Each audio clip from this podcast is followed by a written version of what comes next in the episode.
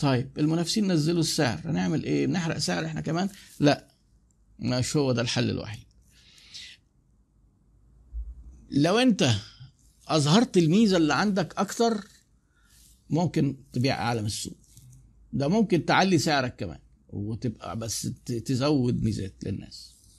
ممكن تعمل brand مخصوص لو أنت ال brand بتاعك غالي وبدأ نزول السعر يأثر عليك. تعمل brand تنزل تحارب بيه اسمه fighter brand زي ما العربي كده.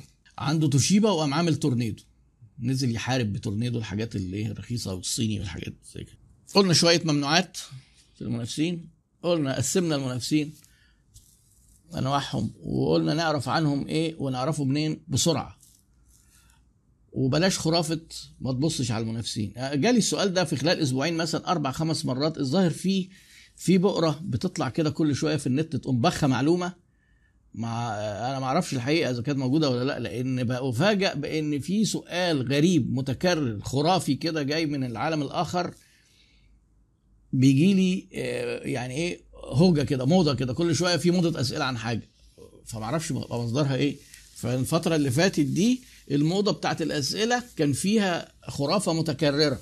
ملناش دعوة بالمنافسين إحنا بعون الله ما دام إحنا كويسين كده زي الفل ولا يفرق معانا الكلام الفارغ ده. يعني احذروا من من التخاريف دي لو سمحت.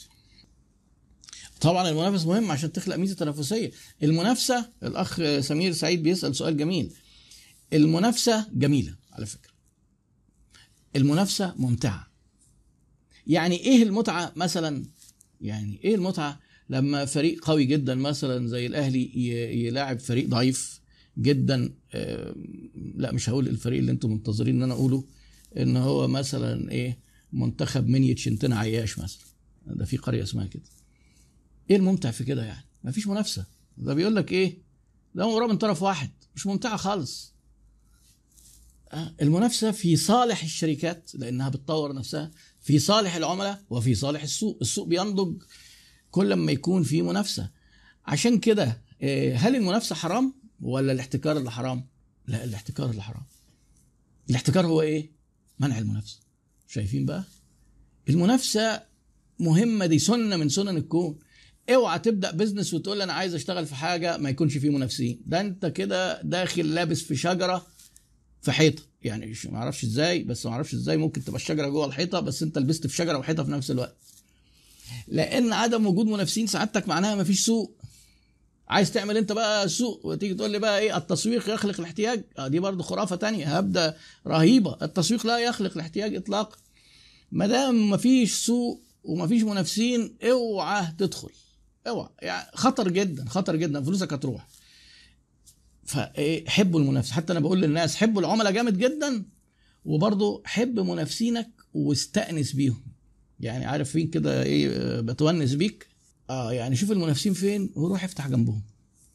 منافس ناجح آه، شوف كده زيه كده إيه امشي في ديله. آه، دي اسمها benchmarking في ال marketing اسمها benchmarking يعني إيه؟ إن إحنا نشوف حد كده نظبط نفسنا عليه.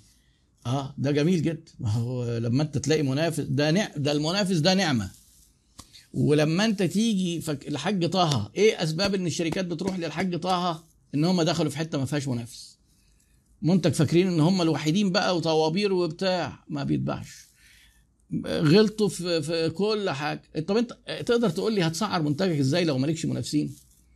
الدراسات كلها بتقول إن العميل اللي لما بيتعرض عليه سعر وما يعرفش يلاقي سعر لمنافس بيبقى فيه عقبة جدا إن هو يشتري. يقول لك آه طبعا ما هو لوحده. أكيد أكيد أكيد. السعر ده غالي. شايفين المنافس حلو إزاي؟ منافس موجود. فحد يقيسك عليه. هتيجي تقول إيه؟ أنا أرخص. ميزة. ما بحبهاش بس ميزة. آه ده هو بكذا إحنا أغلى بس عندنا كذا عندنا قيمة كذا وكذا وكذا. جميل يبقى كده أنت إيه؟ حلو قوي أغلى شوية صغيرين مديني فرق كبير يبقى أنت كويس. لكن لوحدك كده خالص ها اللي هو بقى إيه؟ يقول مشكلة الشباب من الجنسين في بداية الأعمال.